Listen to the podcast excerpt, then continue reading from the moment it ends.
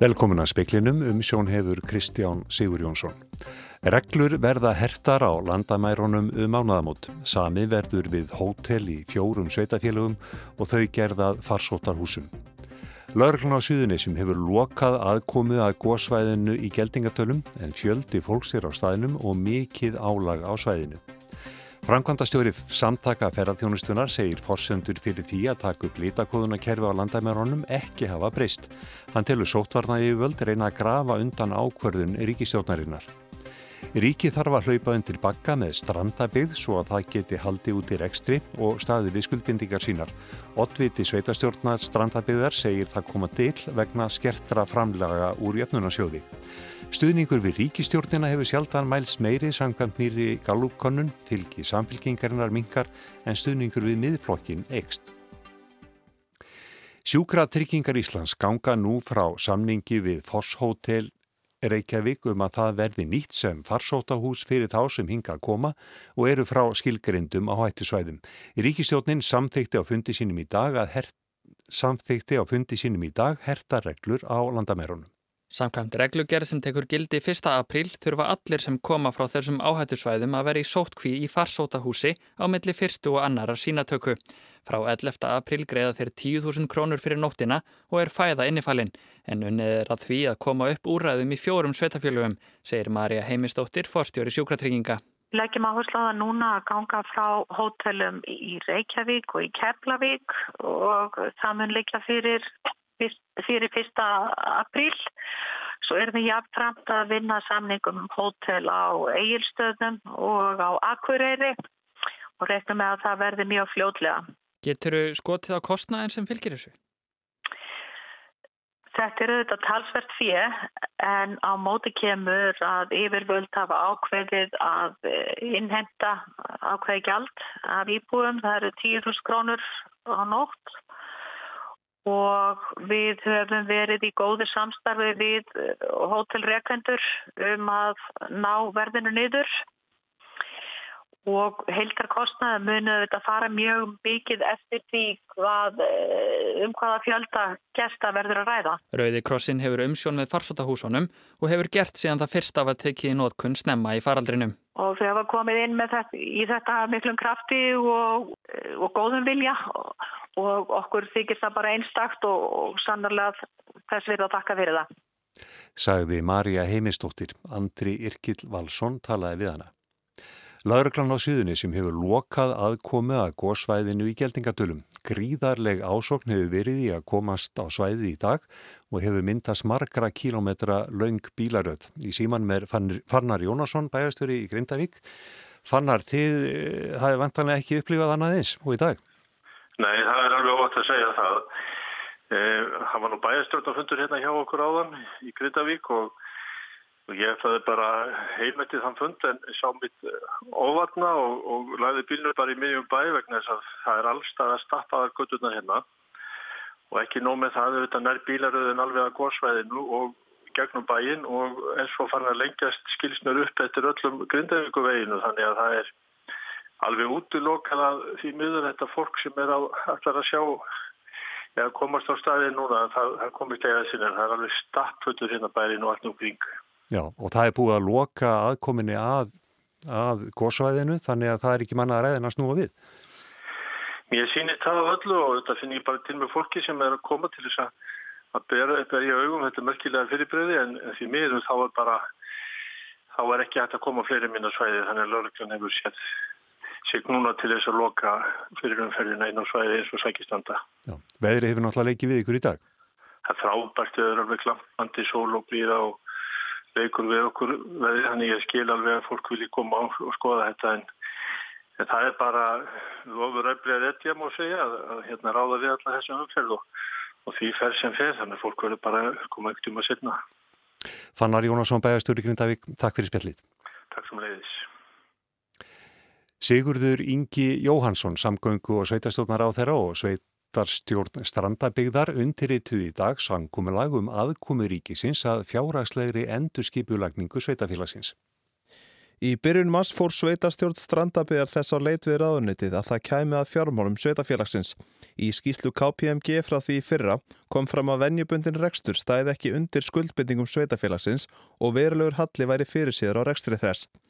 Í samkominnlæginu fælst að sveitafélagið fái 30 miljónir króna úr jöfnunarsjóði til að ná jafnvægi rekstri og standars fjárháslega viðmið sveitastjórnar laga.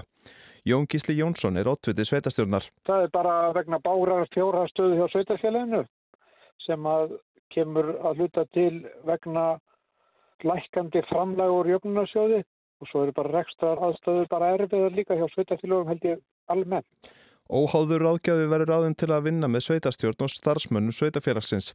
Þá á að hagræða í rekstri og draga ára útgjöldum, auk þess sem leitast verður við að auka tekjur. Jón segir íbúa óneitanlega finnar fyrir samdrættinum. Við náttúrulega getum ekkert farið nema ákveði langt í þeim málum. Við getum ekki dreyið úr þjónustu, verður ekki alls ekki mjög, mjög mikið. En heldur að þeir, þeir komið til með að finna fyrir þessu? Af einhver leiti já. Óttast að þetta getur leitt til þess að fólk flytti úr sveitafélaginu? Maður óttast alltaf að einhverju flytti í, í burtu úr sveitafélaginu. Í svona minni sveitafélaginu þá er að menn það vettanlega yfir leið. Þá er í samkomiðlæginu gert ráð fyrir að unnin verði úttekt á kostum saminningar við önnur sveitafélög og fjárhalslega áhrif saminningar. Bjarni Rúnarsson tók saman og rétti við Jón Gísla Jónsson. Ekki væri hægt að mynda þryggja flokka stjórn ef gengi erið til kostninga nú, samkvæmt nýjum þjóðarpúlsi Gallup. Stuðningur við ríkistjórnina hefur sjaldan mælst meiri, fylgi samfélkingarinnar minkar, en stuðningur við miðflokki next. Sjálfstæðsflokkurum mælist með mesta fylgi 23% sem er það sama í síðasta þjóðapúlsi fyrir mánuðu síðan. Samfylkingin mælist með 12,7%, tæpum 2% stegum minnan í síðustu konnun og fylgi vinstri græna er 12,3% sem er rúmu prosenti minna en síðast. Píratar mælast með 11,5% sem er lítið minnan í síðustu konnun og miðflokkurnu með 9,5% en það er 2,2% stegum meira en síðast.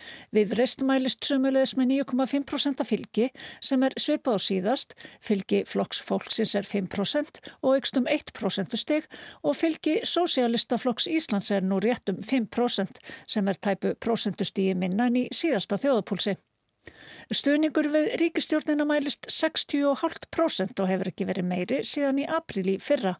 Yrðu þetta úrslit kostningana í haust þá fengir sjálfstæðsflokkur 15 þingmenn, framsóknarflokkur, samfylking, vinstri græn og píratar fengju 8 hver, miðflokkurinn og viðrest fengju hvorun sig 6 þingmenn, flokkur fólksins 3 og sósialistaflokkur Íslands fengi 1 kjördamakjöri mann í Reykjavíku kjördami norður en næði ekki 5% af þröskutunum fyrir uppbótamenn.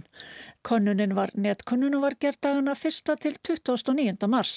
Heildarúrtaki var 9.856 mann sem voru valdir að handahófi og þátt tóku 53%. Anna Lilja Þóristóttir tók saman. Frankvandastjóri samtaka ferðarþjónustunar segir gríðarlega mikilvægt að litakóðunarkerfi verði tekið upp á landamæránum 1. mæ eins og stemtuð verið að. Hann segir forsendur ekki hafa breyst og tilur sóttvarna yfirvöld reyna að grafa undan ákverðun ríkistjórnarinnar. Samkvæmdi litakóðunarkerfinu verða mistranga reglur í gildum komufarþega eftir því hver staða faraldur sem segir í því landi sem þeir koma frá. Jóhannes Þór Skúlason, framkvæmdastjóri samtaka ferðarþjónustunar, segir gríðarlega mikilvægt að kerfið verði tekið upp fyrsta mæ. Svo ákvörðun ríkistjórnarinnar frá 15. janúar sem var tilkynnt þá hefur gert það verkum að ferðarþjónustan hefur geta stund að marka starf yfir höfuð fyrir næsta sumar og næsta vetur. Þannig að þetta er og það tröst sem það byggði upp á íslenskum stjórnvöldum og íslensku ferðarþjónustu standist. Alma Möller, landlæknir, sagðist í Kastljós í gerð hafa evasemdur um að taka upp litakóðunarkerfi fyrsta mæ. Það er orðið svolítið sérstakt þegar að mennur farnir að gera það nánast dælega í fjölmjölum að reyna að grafa undan ákvörðunum ríkistjórnarinnar sem að eru ekki teknar á einhverjum duttlungum, þið til, heldur á grunni mjög fælar og ítalega skýslu. Alma sagði í gerðkvöldi að faraldurum væri á mikilli siglingu víða Erlendis. Afbriði veirunar hefðu breytt leikreglum og þá veri ekki nægila fjölmunur hópur bólusettur hér á landi. Er staðan ekki bara önnur en hún var þegar ríkistjórnin tók þess ákvörðun? Nei, ég held hún sér eiginlega alveg nákvæmlega svo sama eins og þegar ríkistjórnin tók sín ákvörðun eða allavega eins og búast mátti við að hún yrði núna. Þetta sagði Jóhannes Þór Skúlason, yngvar Þór Björnsson rætti við hann. Og rétt að ítrekka að lauruglan á Suðunisjum hefur lokað aðkomu að gósvæðinu í geldingadöðlum rétt austan Grindavíkur. Gríðarlega ásókn hefur verið í að komast á svæðið og hefur myndast margra kílometra laung bílaröð, skamt frá gatnamótum Reykjanesbröytar og Grindavíkuvegar og allt til Grindavíkur. Óvíst er hvenar opnað verður aftur.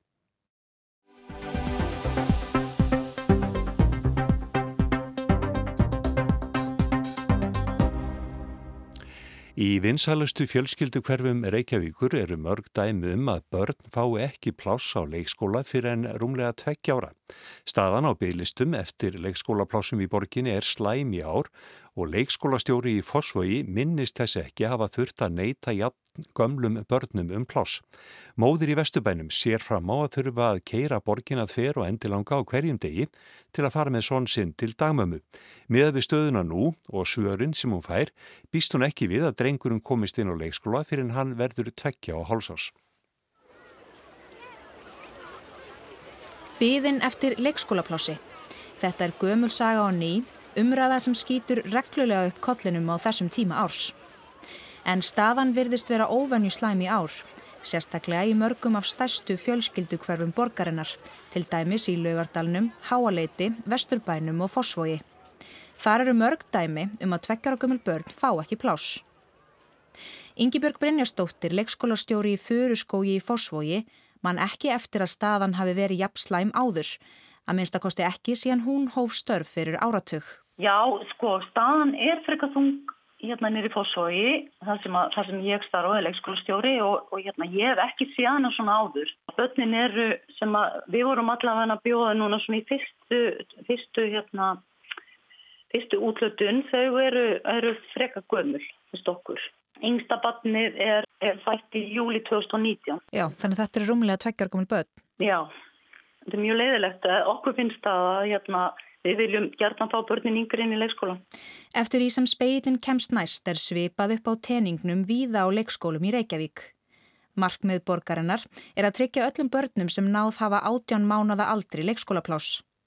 Samkvæmt samantækt borgarinnar frá því í februar eru tæplega 740 börn, 12 mánada og eldri, á bygglista eftir leikskólaplási. Þaraf 200 sem eru orðin átján mánada. Helgi Grímsson, sviðstjóri skóla og frísundasviðs Reykjavíkuborgar, segir í samtali við speilin að það sé erfitt að fá heildarmynda á byggðlistanna á þessari stundu.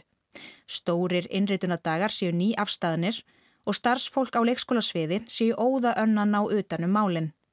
Hann bendir á að ekki sé langt síðan miða var við að börn kemust inn í kringum 20 mánada um tveggjára. Það taki tíma að byggja húsnæði og fá starfsfólk til starfa. Sónur Heiðu Aðalsteinsdóttur er fættur í mæ 2020. Hún sóttu um leikskóla fyrir barnið í sínu hverfi en forgangsraðaði þó þannig að hún setti ungbarna leikskóla efst en þeir með að taka við tól mánada börnum.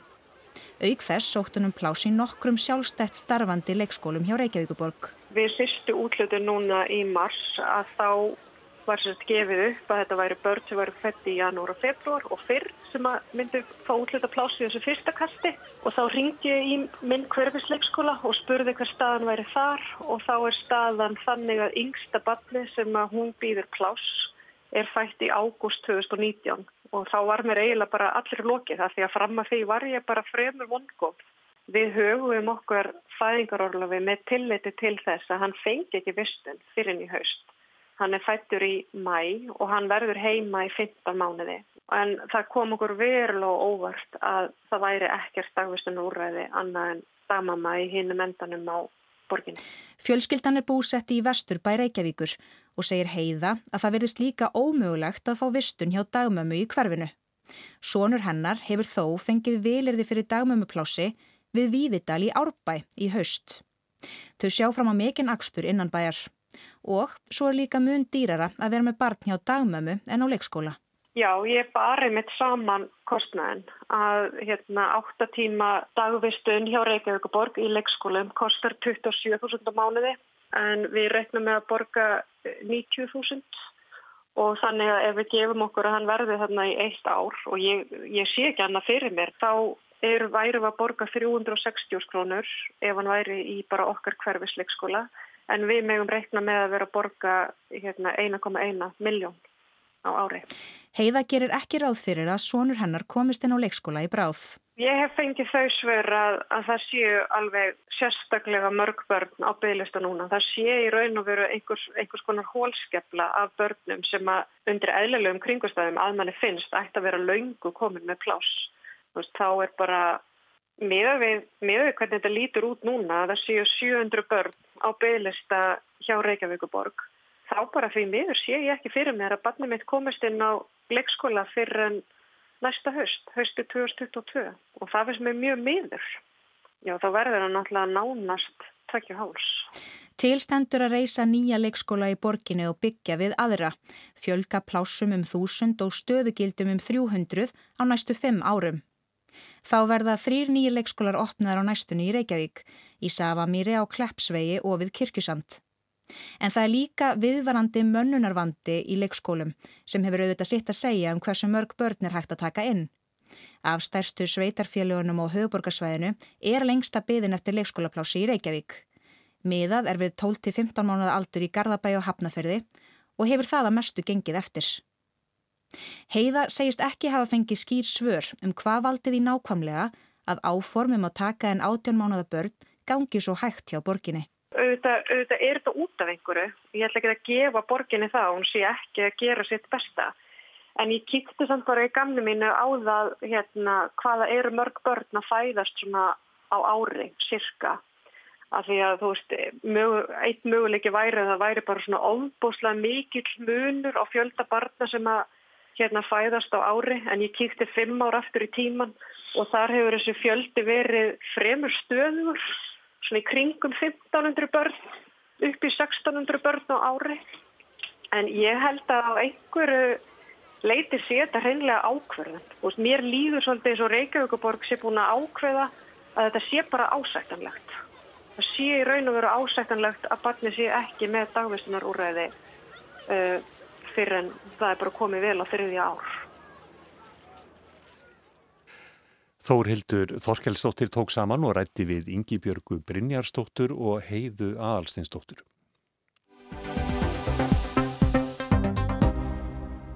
Páll Einarsson, jarðeðlisfræðingur, segir að eldgósið í geldingadölum sé ákaflega lært um síkt til þess að skilja eðli og umfang jarðhræringana sem hófust með jarðskjáltónum í desember 2019.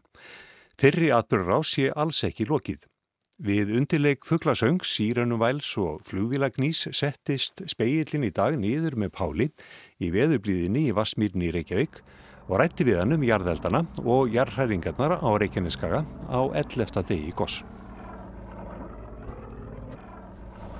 Pál, nú er gósið í Gjeldingadölum búið að standa yfir í, já þetta er 11. dagurinn. Þessi atbyrgur ás, er hún svona eins og þú sást fyrir þegar þetta byrjaði allt saman? í desember 2019? Nei, það, ég held að þessi atbyrðar sé ekki eins og neitt hafi séð fyrir. Við erum að læra alveg nýja hluti á hverjum einasta degi í, í þessar atbyrðar alveg frá upphafi og uh, það var fljótlega ljóst að þetta var óvinnilegt ár sem var að byrja 2020 og uh, það tók ímsar stefnur og, og það atbyrðar á sem varðir og verið miklu örari og raðari heldur en við höfðum gert okkur grein fyrir eða höfðum reynda átt okkur á sko, fyrri atbyrðum af þessu tægi sem að hafa gert að sjálfsögða áður en uh, allt hefur gengið heldur raðar heldur en við ætluðum í upphafi Hvað er það sem hefur komið mest óvart? Í sjálfu sér svona í, í stórum dráttum hefur þetta farið svona eftir einhvers konar forskrift sem að fyrri atbyrðir hafa útöðað okkur. En e, já, svo við tökum bara e, góðstaðurinn þarna, þetta er mjög ofinnilegu góðstaður við höfum aldrei giskað á þennan stað í upphafi atbyrða að, að fyrsta góðs í svona atbyrðar ás erði þarna. Þarna hafa ekki komið góðs bara síðan ísöld laug e, í raun og veru. Þannig að að þetta er ekki einn eðlegi góðstæður fyrir þetta fyrsta góðs. Jarskjáltarnir sem að voru þarna og hreinan sem að hófst hvað 2004. februar hefur góðsið losað um spennunum?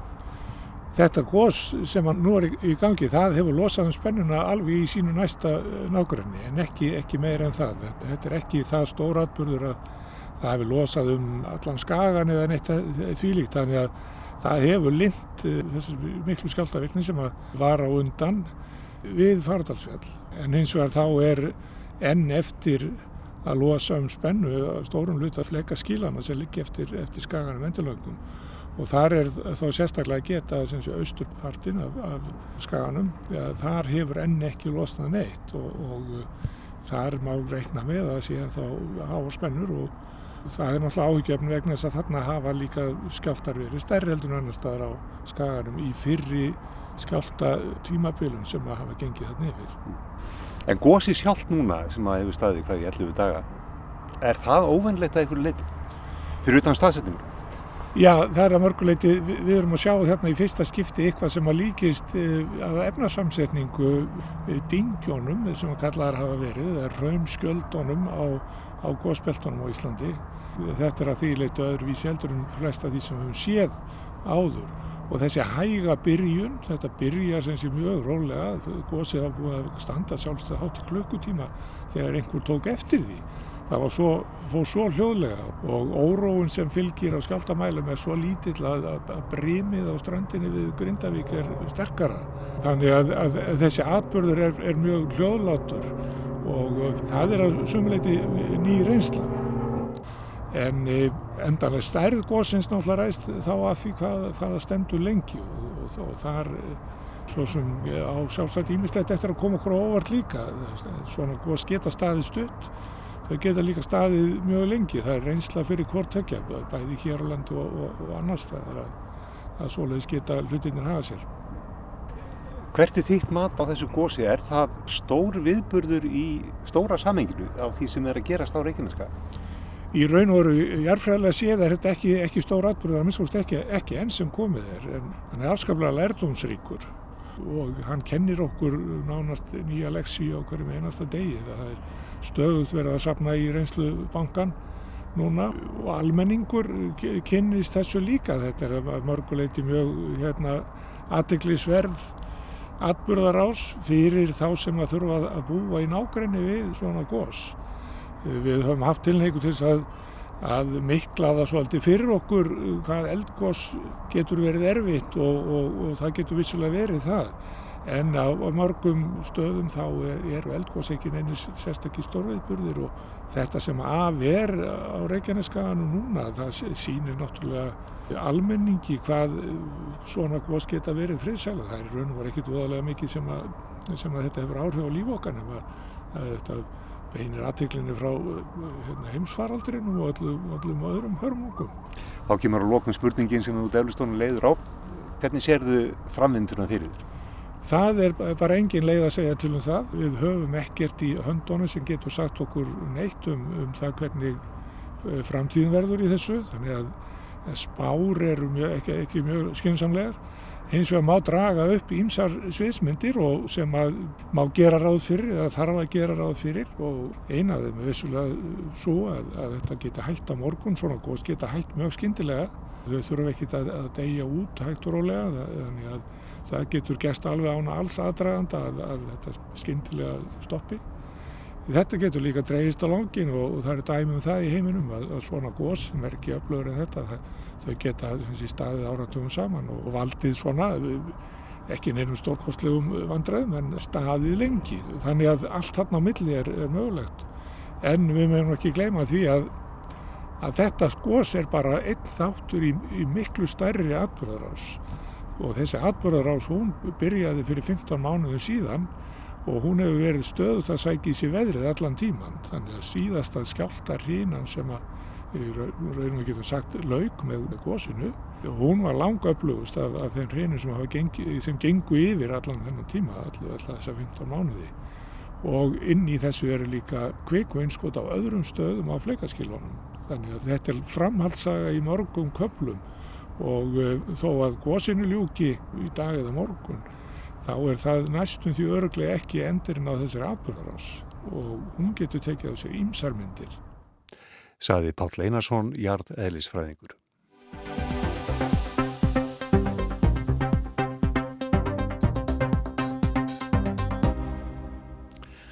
Undan farin áratögu eða svo hafa alþjóðastofnanir og samtök beint sjónum sínum að spillingu tengdri sjáarutögi. Skýslur og umfjöllum þeirra um þessi etni gefur samherjamálunu samhengi. Þegar Ísland fór að auðgast eftir setni himsturöldina var það ekki síst sjáarútvegi að þakka. Nýting fiskistofna gagnaðist allri þjóðinni og Reykjavík byggðist ekki upp sem skúraþyrping í kringum nokkrar glæsivilur. Það þarf ekki útskýra fyrir Íslandingum að útlutun veiðileifa og kvóta er stórkostlegt hagsmunamál. Algjört undirstöðu atriði að fiskimið hverjar þjóðar nýtist í þáu þjóðarinnar en frekar nú þegar ofveiði ógnar mörgum nýtjastofnum. Sankvæmt skýrslu 2018 frá FÁ, Sjáurútvegs og landbúnaðarstofnun saminu þjóðana, var staðan svo 2015 að tæplega 60% nýtjastofna voru veitri topp og 33% ofveitir. Með þetta í huga að fiskur er hörgul auðlind og að réttlátt nýting hennar er lífspursmál fyrir hverja þjóð hafa íminn samtök og stopnarnir beint artiklinni að fiskveiðum og spillingu. Sérstök deild innan Interpol, alþjóðalöruglunar, fylgist með fiskveiðum og hefur meðal annars á vefsíðu sinni skýstlu sem Norðurlandaráð gaf út 2017 um áhrif útflöggunar og leindar á eftirlit með fiskveiðum. Þar segir að stórt vandamál í fiskveiðstjórnun sé leind, leind um til dæmis eignarhald félaga og skipa. Bankarhunnið 2008 opnaði Íslandingum sín inn í huliðsheima aflandsfélaga. Aflandsfélög eru lögleg leið, oftast, til að fela og leina. Í sjáurútvegi eins og víðar er leind og falið eignarhald í gegnum aflandsfélög einn helsti vandin. Í alþjóðlegum sjávarútvegi eins og víðar er leint og falið eignarhald í gegnum aflandsfélög einn helsti vandin. Í norrannu skýrslunni er bent á að vegna leindar þá viti saksóknarar og aðrir sem rannsaka meintbrot í sjávarútvegi oft ekki hvað þeir vit ekki. Með öðrum orðum, þeir vit ekki hverju er leint geta því illa metið hvort til dæmis félagafléttur, þeli, mútugreislur. Rannsakendur eldast við lögleg félög sem eru stopnuð til að ruggla og hindra viðleitni til að komast til bots í meintum glæpum, hindra að menn þurfa svara til saka. Einmitt vegna leindarinnar þá sést oft ekkert fyrir en uppljóstrarar afhjúpa leindina, sína hvað leynist að baki að þér virðist löglegri starfsemi og já, ein hliðar áhrif leindarinnar eru ofveiðar og ósjálfbærni í sjáarútvegi, allt hangir þetta saman. Það áviði sjáarútvegi eins og víðar að gagsægi er best aðferðin til að berjast gegn spillingu. Gagsægi er því rauði þráðurinn í barattunni gegn spillingu í sjáarútvegi. United Nations Office of Drugs and Crime er svo deilt saminuð þjóðana sem fylgist með eiturlifjum og glæpum, þá einnig í sjáarútvegi. Í skýrslu deildarinnar 2019 um sjáarútveg er skipaskrá fiskistofu tekin sem gott dæmi um gagsægi í raun. En fremur er bent á byrtingarmyndir spillingar einn þeirra er spilling tengt veiðileifum. Þar segir Sjávarútveksar á þeirra eða embættismadur sem fer með útgáfu veiðileifa til erlendra fiskiskipa getur freistast til að taka móti greiðslu frá þeim sem sækjur um leifi ef ekki er til staðar virkt eftirlitt. Sektir við veiðubrótum eru víðast hvar lágar og sektirnar einar og sér því ekki mikil vörn gegn glæpum í sjárútvegi. Sektir aðeins léttvæg áhætta og smá viðbúta kostnaður. Þess vegna er einmitt nýtt á mikilvægi þess í allri umfjöllun um spillingu tengda fiskveiðum að meint brot síu rannsökuð ekki aðeins sem brot á fiskveiðilögjöf þar sem sektir eru yðurlega lágar heldur sem efnahagsbrot með mun harðar í viðurlögum. Skilabúðin eru Fiskveiði glæpir eru efnahagsbrot, fel oft í sér mútur allstaðar alvarlegt brot. Fylgifiskurinn yðurlega peningaþvætti til að fela mútugreðslutnar, láta þær líta út fyrir að vera eitthvað annað en þær eru, hvort sem þær eru bókvarðar sem ráðgjafagreðslur eða eitthvað annað sakleisislegt. Alþjóðastofnanir og samtök sem berjast gegn spillingu hafa augun á sjárútvegi að því fiskur er auðlind til búbótar fyrir þjóðina sem á auðlindina. Spillingi fiskveiðum bytnar á allri þjóðinni. We will speak out to corruption, to injustice, to nepotism, to fraud so long as we have faith in our lungs. Við líðum ekki spillingu, hvernig sem hún byrtist við andæfjum spillingu, óréttlæti, fræntikli og sveikum svo lengi sem við draugum andan, sagði ræðukona í Namibíu á mótmælafundi vegna meintra mútugreðsluna samherja til namibískra ráðamanna. Ísland er í tólta sæti á lista Alþjóðabankans yfir þjóðartekjur að mann með um sem samsvarar 7,6 miljónum króna. Namibíja í 100. og 13. sæti með 1,2 miljónir. Og já, um 40% namibíumanna og já, um 40% namibíumanna búa í skúraþyrpingum meðal annars að því tekjur af þjóðarauðlindum skila sér ekki til þjóðarinnar. Sigrún Davíðsdóttir saði frá. Áðurum við kveðjum í speklinum er rétt að ítrekka að lauruglan á Suðunisjum lokaði aðkomið að gósvæðinu í geldingadölum rétt fyrir klukkan 6.